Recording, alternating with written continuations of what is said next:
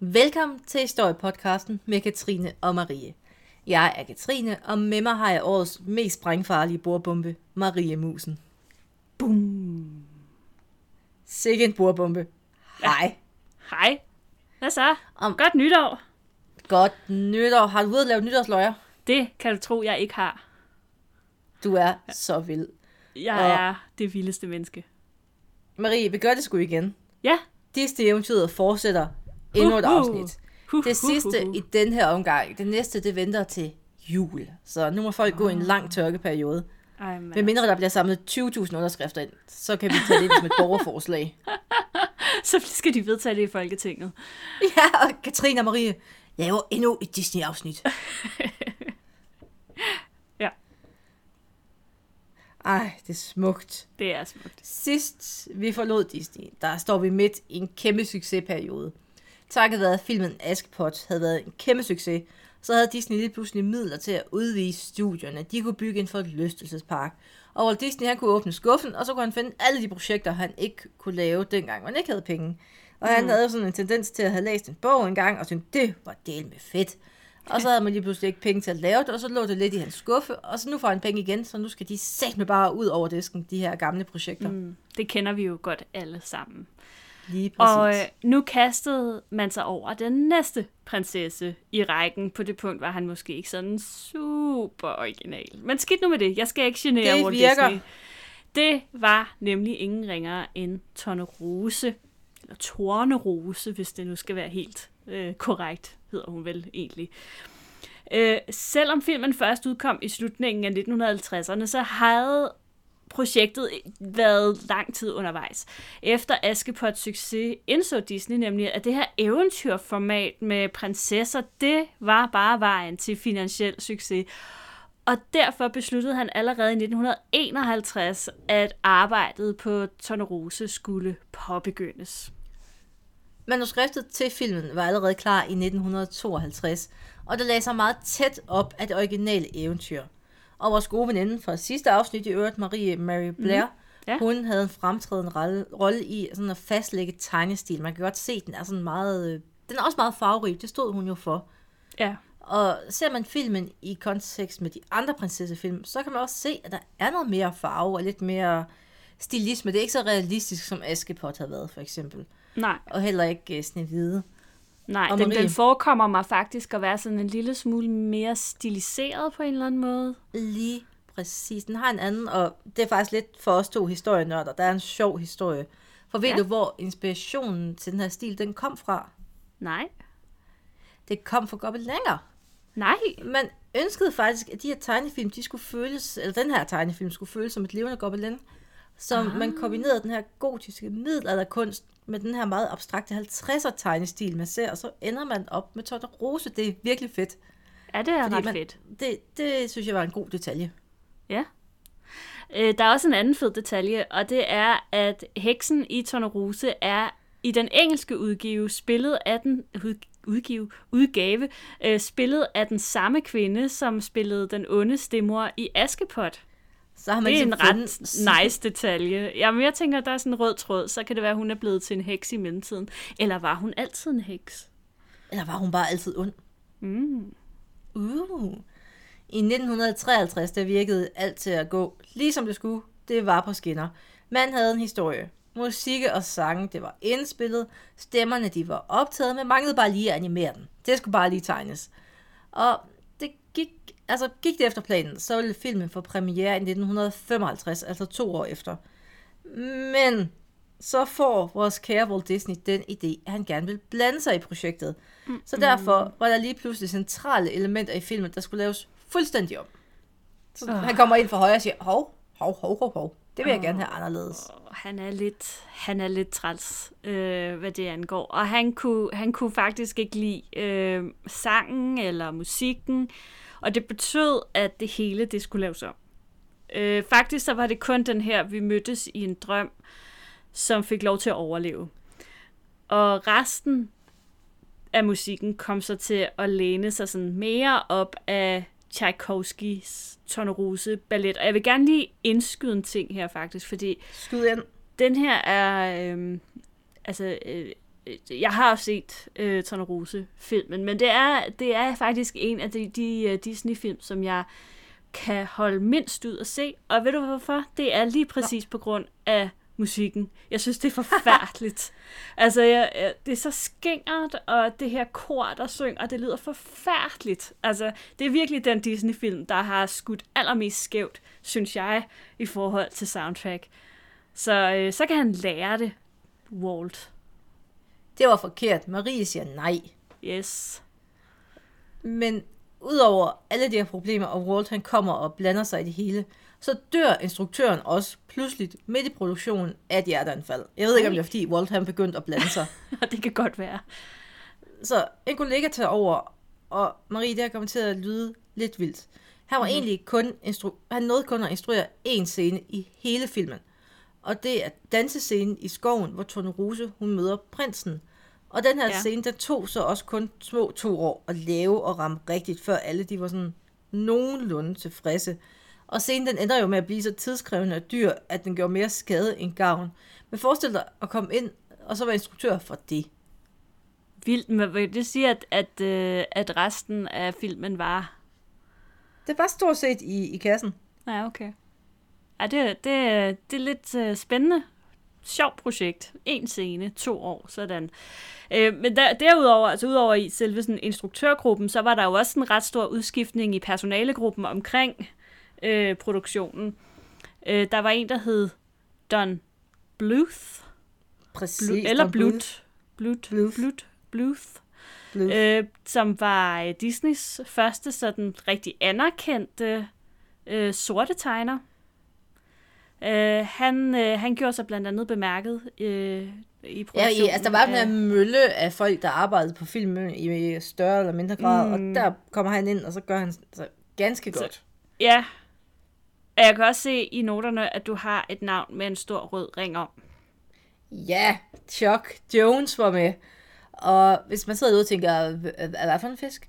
Så er det manden, som mere eller mindre bare synonymet med Looney Tunes, altså Bugs Bunny og Donald Daffy Duck og sådan noget. Han wow. arbejdede på Tonne Rose i en kort periode. Så det var, det var ret sjovt. Og det var en kort periode på fire måneder, fordi at Warner Bros., som ejede Looney Tunes, de lige pludselig mere eller mindre lukkede tegnefilm, fordi man ville sat på rigtige film, 3D-film. Og så efter fire måneder indså man, det, det var nok et dårligt sats, og så kommer han tilbage til Warner Bros. Men han var lige fire måneder på Tone Rose-projektet for Disney. Undskyld, de satsede på 3D-film i 50'erne? Ja, ja, men tænk, tegnefilm, det er passé. Vi skal have nogle rigtige film. Og Nå, på var, den måde 3D-film. Jamen også, jeg tror, der var også en anden under 3D-tegne. Du må du ikke hænge mig op på det, for jeg ikke researchede det nok, men øh, det var, det var Nå, ting. okay. Jeg tænkte bare, wow, jeg ved godt, at de jo altid har været lidt sådan teknologisk fremme i skoene, eller var det i hvert fald i USA, men det var alligevel, det var nyt. Nej, okay, ja. Nå, så de synes tegnefilm var passé. Jamen det, det var altid også. Nå, men øh, der var jo, øh, som vi antyder, en del forsinkelser, øh, men endelig så var filmen øh, Tornerose klar til premiere. Og det er faktisk den første animerede film, der blev vist i 70 mm, og der må jeg ærligt indrømme, at det har du skrevet til mig, men jeg, jeg, jeg kan ikke rigtig, jeg ved ikke rigtig, hvad, hvad, hvad går det ud på? Det betyder, at filmen var bredere. Det var egentlig bare det, så der er lidt bredere format. Det er okay. der, den er. Ja. Øhm, den fik som sagt premiere, det gjorde den i januar 1959, og modtagelsen var rimelig lunken. Øh, der var rigtig mange anmeldere, som mente, at Tornerose var sådan en doven copy-paste af Snevide. Øhm, hvilket sådan personligt, jeg, jeg godt kan se. Øh, ja, præcis. Sagt, så lægger hun sig til at sove. Det er dogne spektakel. Jamen, og så bliver hun vækket altså, af en mand. Øh, der mangler bare syv små dværge. Øh, men øh, det var øh, tilskuerne øh, heldigvis ligeglade med, og det er jo det eneste, der betyder noget i virkeligheden, fordi filmen den indtjente 5,3 millioner. Altså det var jo ikke sådan helt skidt, trods alt. Det var det faktisk lidt, fordi filmen har været så dyr at producere, at man tager penge på projektet. Nå, ja, okay. Det, det siger alligevel noget, at man kan tjene 5,3 millioner på det her tidspunkt og tabe penge. ja. Men Tornerose var jo, altså filmen Tornerose var jo ligesom Tornerose, en sovende skønhed. Mm. Så med tiden kommer filmen til at tjene pengene ind en milliard gange. Men Ja. lige her i den indledende fase, der var det noget, man tager penge på. Ja, øh, jeg vil jo sige, at øh, hvad hedder det, øh, Tornerose var jo faktisk det første teaterstykke, jeg øh, spillede med i på Eventyrteateret. Ej, hvad var du? Jeg var Tjørnehæk. En meget Det er vigtig en- rolle, vil jeg, Jeg synes, sige, det er en ledende rolle. Det er en, en ledende rolle. Jeg spillede Et den lille del af vegetation. Det er, jeg, var, jeg, var, jeg, var ikke, jeg var 10 år, så jeg, jeg var jo kun en del af den lille tjørnehæk. Den voksede sig jo så større øh, igennem stykket, så var det nogle af de større børn, der var tjørnehæk senere. Så var jeg også øh, borger. Du ved. Ej, du var en del af Jamen, Tjørnehækkens fantastisk. ungdom, og Jamen, du det fortalte ligesom historien om, hvordan Tjørnehækken blev til Tjørnehækken, og Ej, det gjorde vi så ikke godt nok. ja, jeg tror, du gjorde det lidt med dine handlinger alligevel. Ja, Du er jo en vi kunstner. havde en sang, men jeg kan ikke huske den. Jo, jo. Måske var det noget med, hold dig væk fra denne hæk. Vi river og vi bider, vi flant. Nå, undskyld, det er et sidespor, det her. Det kan være, der sidder nogen derude, der har gået på Eventyrteatret, som kan huske hækkesangen fra Tornerose. Smukt. Skal vi vende til det? Det, synes jeg faktisk. Nå. Jeg vidste ikke, øhm, jeg skulle have en hækkesang lige pludselig. Ja, jamen øh, hvorfor ikke? Øhm, der er jo også en heks med i Tornerose, og hun hed åbenbart, det vidste jeg ikke, øh, Malavia. Øhm, Lige præcis. og, Magnificent, Magnificent på engelsk. Se, det vidste jeg faktisk heller ikke, at, og, det, og det har jeg først lært nu, at, øh, at øh, den her heks fra Tornerose, at det er hende, som har fået øh, to efterfølgere i henholdsvis 14 og 19, øh, hvor Angelina Jolie spiller hovedrollen. Og hvad var det, du sagde, hun hed? Magnifi et eller andet? Maleficent. Ma- ja, det kan jeg ikke finde ud af at sige. Øhm, af en eller anden årsag. Det behøver du ikke Det at vidste sige, jeg, jeg vidste mig. faktisk ikke, at det var, jeg vidste ikke, det var heksen fra Tornerose. Jeg har altid undret mig over, hvad det var for en mærkelig film. Du har bare siddet og været sur, jeg forstår det ikke. Jamen, jeg har jo ikke set den, jeg har bare set, altså, jeg har... Nej, selvfølgelig har du ikke det. De, de var begge to sådan, og hun har, øh, heksen har desuden også været med i Kingdom Hearts-spillene. Jeg er blevet gjort opmærksom på af flere lyttere, og jeg sætter pris på det, for jeg spiller dem også selv, de spil, at de her figurer, de optræder også i Kingdom Hearts-spillene i forskellige instanser. Okay. Nå. Og, hun er, og heksen her, hun er jo med af flere omgange som ond, så hun er også med der i en bærende rolle. Og ja, det var bare lige et, et lille skud ud til dem, der gør opmærksom på det. Tak for det. og Marie, hvad har vi Ja. så lært af Rose? Et, vi skal ikke røre ved spidse ting. Nej. Og to, at prinsesseformelen måske ikke er helt så skudsikker alligevel. Men ved du, hvad der er skudsikkert? Mm. Søde, små hundevalpe. Dem Ja. elsker alle. Ja, og hvis man har 101 søde hunde, så er sandsynligheden for succes 101 gange større. Simpel matematik. Simpel matematik. Entering 101 Dalmatinere. Fantastisk Disney-film. Baseret på en bog af samme navn, skrevet af Dottie Smith. Og Walt øh, igen læste den her bog. I, den var relativt ny på det her tidspunkt. Han læser den i 57, jeg mener, den udkommet året før. Og han mente, at den her bog ville være, altså, den er den mest oplagte i verden til en filmatisering. Så han sikrer sig med de samme rettigheder. Han sender hende en check og siger, nu er den min. Øh, Walt var ikke så fokuseret på produktionen af animeret film i den her periode. Så derfor så overlod han ansvaret til en fyr, der hed Bill Pete. Og Pete han fik lov til at skrive hele filmen på egen hånd, hvilket var første gang i hele, Dan- øh, ja, i hele Danmarks historie, i hele Disneys historie, at øh, kun én person havde ansvaret for at skrive en hel film. Ja, for ellers havde det været et hold af forfattere, der havde samarbejdet, og Walt, der havde overridet dem, hver gang han havde fået en bedre idé. Det lyder som, når der er nogen, der har et skriftligt projekt sammen med mig. ja, du er alle projekter hos Walt Disney. Jeg har arbejdet ja. sammen med dig. og forresten så var det også den første Disney-film, der foregik i sin samtid. Sådan en animeret film. Det var meget sjovt, ja, de sidder ja, også til tv. Det er meget sjovt. Det er den første, hvor de så ser det i en samtidskontekst. Og Walt han havde også lært af Tone Rose, og han tænkte, denne gang, der skal vi fandme ikke tage penge på unødig dyr produktion. Og det betød et stort fokus på at holde omkostningerne nede i den her produktion, så det skulle ikke være så ekstravagant. Og Disney, han ikke fandt være så mange også en- dansescener. Nej, færre dansescener. Slut med det. Disney han fandt en måde at spare penge på. Blandt andet måske ved at korte ned på dansescenerne. Øh, men også bare generelt i animationen. Og øh, så revolutionerede han selvfølgelig også lige hele branchen, fordi... Hvorfor ikke? Lige præcis, fordi Walts gamle ven, Op Irworks, det er verdens bedste navn, han havde modificeret et Xerox-kamera. Og det her kamera, det var magisk, for det, det kunne tilføje streger til en tegning på en animationscelle. Fordi en animationscelle, det man, man sidst lavede til at lave en film, det var sådan et billede, et billede, et billede, et billede. Ja. Men i den her proces, så skulle du ikke hele tiden male nyt og male nyt og male nyt. Der fik du stregerne og male efter. Det var rigtig smart. Og det betød, at man sparede tid og masser af penge og gjorde en masse sådan baggrundsmaler lidt arbejdsløse. Mm. Men man tabte penge. Og man havde dyppet tæerne meget kort i den her proces under Tone Rose. Og man var ret positiv for det. Så man tænkte, mm, det er lavpraktisk, det betyder, at vi kan bruge det. Så det er egentlig bare, øh, nu skubber vi 100% ind en hel film med den her Xerox-metode. Og nu sidder man nok som almindelige mennesker og tænker, hvordan kommer det til at se ud? Og det letteste, jeg kan sige, se 101 dalmatiner, læg mærke til, at alle tegninger har sådan, alle animationer har en sort outline. Det har Disney-film indtil da ikke haft. Og den her sort outline, det kommer fra det Xerox-kamera, hvor de har fået den her outline lagt over, og så bare malet ind. Hmm. Ja. Yeah. Og det er jo ret smart, når man, øh, når man laver en film om nogle hunde, som er primært hvide. Nemlig, det er meget smart. Så kan man virkelig se det. Nå, med øh, lidt øvelse kunne metoden også bruges til at overføre streger til virkelig film. Øh, det vil sige, at man kunne lave optagelser af for eksempel en lille model af Cruellas bil i et studie, og overføre dem til tegninger.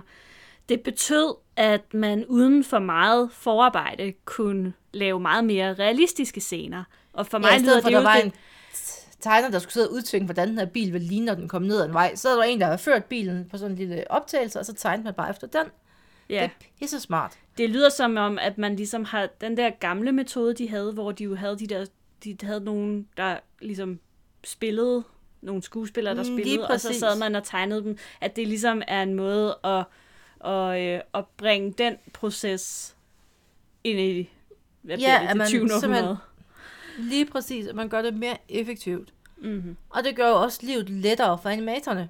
Men der ja. var stadig sjovt, en lille fun fact, der var stadig et helt hold tegner, der var dedikeret kun til at tegne pletter på dalmatinerne. Perfekt. Fordi de skulle overføres hver gang, og de skulle bevæge sig. Det, det var meget sjovt. Et helt hold til dalmatinerpletter. Ej, men hvor er det også, hvorfor kunne han ikke have valgt Labradors, eller, altså, hvad ved jeg, Golden Retrievers, et eller andet, som ensfarvet kræ. 101 Hvorfor- retriever. 101 Retriever. det, ja, det, jeg kan se det for mig. 101 korgier. Åh, oh, sikkert larm. Åh, oh, ja, også det. Nå, øh, Walt, han var ikke særlig glad for den her nye metode, Xerox-metoden. og instruktøren af 101 Dal- Dalmatiner, han fik aldrig nogensinde lov til at lave en film igen for Walt Disney. Ja, ham der Færdig stod for øh, animationen, det var bare sådan lidt, det, det er et nej, Bassermand. Der findes faktisk en dokumentar med ham, og jeg, jeg har set dele af den i research det her, hvor han forklarer hele processen, og hvor Walt han bare bliver mere og mere fjendsk over for ham.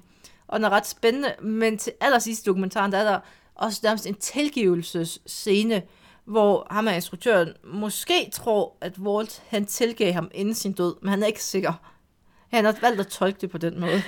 Ham, ham Walt Disney, jeg tror, vi vender tilbage til det, at han, altså, han, han fremstår ikke som den sådan, nemmeste fyr at have som chef.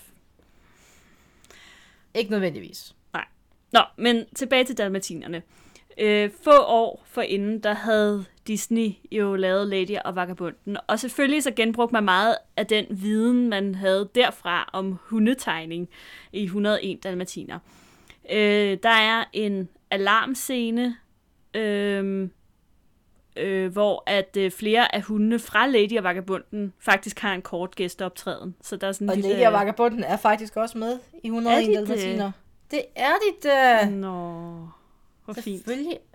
Ja, hvis man lægger mærke til det i alarmscenen, der er den der skotte også, og det hele. I filmen for premiere den 25. januar 1961, og det var en kæmpe succes. Filmen havde kostet 3,6 millioner dollars lave og indtjent små 14 millioner, så det var en succes. Tjeng, Så kunne han da godt tilgive ham, instruktøren. Nej, jeg tror, jeg tror simpelthen, der er noget med stil at gøre. Jeg tror Ja, ja, ikke, okay. han kunne forlige sig med det. Nej. I øh, 1996, der lavede man jo en live-action udgave af 101 Dalmatiner med Glenn Close i hovedrollen som Cruella de Vil. Og det blev jo en kæmpe præcis. succes. Det kan jeg, altså, Har den jeg, kan jeg huske. dig, at, har jeg fortalt dig, at Cruella de Vil, hun er min yndlings superskurk, eller bare skurk i Disney. Hun er en kvinde, der lever sit bedste liv. Hvis man lige trækker det med hundevalpene væk, så er hun jo bare en kvinde, der lever det liv, hun gerne vil leve. Har du set den der nye, der er kommet, Ja, den ja. nye serie, der er kommet, som er den været fra sidste år eller sådan noget? Ja, ja, det har jeg. Hun lever bare sit bedste liv. Ja. Det holder jeg fast i. Mm-hmm. I 2000, der kom toren til live-action-filmen, og det var en lidt mindre succes. Og i tre, 2003, der kom den tegnede tor. Det var Plets nye eventyr, min af den hed. Og der har været to TV tv-serier, blandt andet har de været i Disney-show, så det er meget... Øhm... Hun har en dalmatiner, de holdt fast. De hang fast. Og som sagt, så kom der så også den her Cruella de Vil øh, serie, som ligger på Disney+, Plus, tror jeg. Ja, det gør den selvfølgelig. Øhm, hvor at Florence and the Machine, bare sådan helt tilfældigt, har lavet titelsangen. Det er din. Florence and the Machine. Ja, dem kan vi lide. Øhm, nå, men øh, med Dalmatiner-succesen og en ny tegnestil, så var man klar på endnu en ny film. Og Walt, han er gået tilbage til eventyrbrønden, og så døber han tæerne. Igen, igen, igen, fristes man til at sige, skulle eventyr baseres på en bog, og denne gang var det sværet i stenen af T.H. White. Og det er en af mine yndlings. Den kan Den jeg er altså også godt god. lide. Ja, åh, den er sød. Øh, filmen den blev produceret i 1960'erne, øh, men havde jo traditionen tro været på Walts to-do-liste i meget længere tid. Ja, for han anskaffer sig allerede rettighederne i 1939, men først efter 101 dalmatiner fra 1960 blev der sat skub i projektet. Øh, Men starten, den var ikke helt let, da Sværet i Sten, den konkurrerede med et andet projekt inde i Disney. Og det andet projekt, og det synes jeg faktisk måske lyder federe, det var baseret på en middelaldervise, der på svensk hedder Revsorgaren. Og, og det er det nærmeste, jeg kan komme på en dansk. Jeg simpelthen ikke kunne regne ud, hvad den hedder på dansk. Det er jo Revesagaen så. Og herfra skulle man så have en bihistorie om en hane. Det var, det var simpelthen det projekt, man havde som alternativ til sværet i stenen. Og den her refsokkeren, der havde man et helt team til at skrive og idéudvikle og tegne den her hane, der fægtede og alt muligt. Men det er, altså det var, det var en ting. Mm-hmm. Men på den anden side, der havde vi sværet i stenen. Og det var ikke hvem som helst, der var på det projekt. Han var alene, men han var en, han var en veteran. Det var nemlig vores gode ven Bill Pete, der skulle skrive historien igen. Mm. Og det var ham, der skrev 101 dalmatiner, så vi ved jo, han var en vinder. Og vi ved også, altså historien har jo fortalt os, hvem der vandt. Det var Ja. Bill Pete. Det var det. Men ikke uden konkurrence, vil jeg sige. Nej, altså, fordi da, da Walt han skulle vælge, havde han på den ene side en gammel, gennemarbejdet idé, og på den anden en ny, frisk idé med et helt teams kreativitet bag sig. Øhm, Walt endte med at gå sikkert og vælge sværet i stenen. Og fun fact, man går i gang med at tegne det, og det går smooth, og der skal lægge stemmer til. Og den børneskuespiller, man har fundet til at lægge stemme til Arthur i den engelske udgave af filmen, ramte puberteten ret hårdt under optagelserne. Derfor var man nødt til at hive to, anima- to sønner af en animator ind, for at få lagt de sidste stemmer til, fordi den der pubertet, den var ramt. Altså, Han havde lige pludselig fået en dyb stemme. ja, du var ude Så de her to sønner blev revet ind for at indtale sidste del af filmen, for at holde en eller anden jævn tone. Mm. Og endnu en fun fact, jeg har masser af fun facts i dag, kan jeg Ja, mærke. dejligt. Merlin er modelleret, altså tegnet efter Walt, fordi quote on quote, de delte næse og livssyn på visse punkter. Fedt. Ja, dejligt. Det er skønt. Filmen Jeg synes, det er en fik, god øh, detalje. Ja, det er det. Især det med næsen. Filmen fik premiere den 25. december 1963. Anmeldelserne var sådan lidt... Øh, de var lidt lunkne igen. Men publikum, og det er jo i virkeligheden dem, der betyder noget, de kunne godt lide filmen, og den indtjente 4,75 millioner. Det er også okay. Det er okay. Der har he- helt utraditionelt ikke været en tor. Men, men, men, men, den er ikke helt død. For Madame Min, hun optræder i ny og næ i Anders Sandbladene. Det ved også kredsende Anders Sandbladets læsere. Og igen, Kingdom Hearts. Merlin, han har været ivrigt med, kommer med bøger, og jeg ved ikke hvad. Okay. Så Altså, hvad er det der også med. Kingdom Hearts for noget? Det ved jeg ikke noget om. Det er meget svært at forklare på en sætning, men forestil dig Final Fantasy møder Disney. Og så, Øhm, altså, og så har man lige har snittet en masse æder, for det bliver meget underligt. okay. Man kan, igen, hvis vi begyndte at gennemgå plottet i Kingdom Hearts, så havde vi til en hel podcast-serie ved siden af den her. det, er, det er det vildeste, jeg nogensinde har oplevet. Ja. Okay. Ja, Ja. det, det er en ting, men det er ret sjovt. Mm-hmm. Men det er, en, det er en ting. ja. Ja. Det har bestemt mig til, at det tæller som en ekstra optræden, ja. når de er med Ja, ja, i det spil. Selvfølgelig, klart. Ja, ja. øhm, nå, men altså selvom filmen var sådan et ok hit, øh, så var Walt ikke tilfreds med, at anmelderne var lunkne over for sværet i stenen. Han skyldte skylden på sig selv, fordi han ikke havde haft fokus på produktionen, og den del af det, den kunne han jo i hvert fald forbedre forud for næste film. Og igen, igen, igen, igen, igen, skal vi finde inspiration i litteraturen. Fordi det er det, Walt han gør. Denne gang så er det den gode gamle klassiker, Kiplings Junglebogen. Og gæt, hvem der skulle skrive filmen, Marie. Vores gode ven, Bill Pete. Oh. Wow. Yay. Det første udkast, det var øh, et meget seriøst udkast, og det var ret tæt på kildematerialet. Det er jo ikke nogen sådan sjov bog. Øh, Nej, man kan godt læse den og tænke, hvorfor, hvorfor er bjørnen ikke sjovere? ja, øh, men Pete, han, øh, han skabte også nogle nye figurer øh, i, sit, øh, i sit udkast, og det var jo for eksempel sådan en som Kong Louis, en herlig fyr. Og Pete han led lidt under, at han ikke længere havde den store kreative frihed, kreative frihed fordi at Walt, han var, han var på. Mm-hmm. Og Walt, han elsker micromanaging. Hmm. Og chefen, han havde Pete's seriøse udgave af historien. Den læser alt for tæt op af originalen. Pff, sagde Walt, det gider jeg ikke. Så efter en række konfrontationer, så sagde Pete derfor op i januar 1964. Ej, ja. Farvel, Pete. Og, farvel Pete, og farvel Pete's manuskript, som blev bare kølet i skraldespanden. Og Adieu. så, øh, adieu. Øh, fire nye historieudviklere, de blev hævet ind, og så genstartede man simpelthen projektet. Første dag, der sad Walt sammen med de her historieudviklere og spurgte, om der var nogen af dem, der havde læst Kiplings bog. Øh, der var ikke nogen, der sagde noget, og der var måske sådan en lille smule akavet tavshed. Men så siger Walt, det var godt, det må I heller ikke. Nej, altså igen, han har bare tænkt, at de får en linje, lille dreng i junglen, tiger und, kør. Ja. Og der er faktisk en del kendte i junglebogen, i den engelske udgave, der lægger stemme til figurerne. Men ved du hvad? Walt kunne ikke få fat i fire meget centrale, altså det han drømte om, fire mennesker han gerne ville have fat i. Ja. Kan du gætte, hvem det var? Nej. Når du tænker junglebogen, tænker du så, at der vil være et musikband fra 60'erne, men der vil være oplagt at koble på projektet? Altså, der var jo kun ét musikband i 60'erne, og det var The Beatles. Yep, Walt ville gerne have The Beatles til at være med i junglebogen. Fedt, så kunne de, så kunne de sidde der med deres meget engelske... Liverpool. I den Liverpool. engelske udgave, tanken var, at det var gribende, der skulle være The Beatles.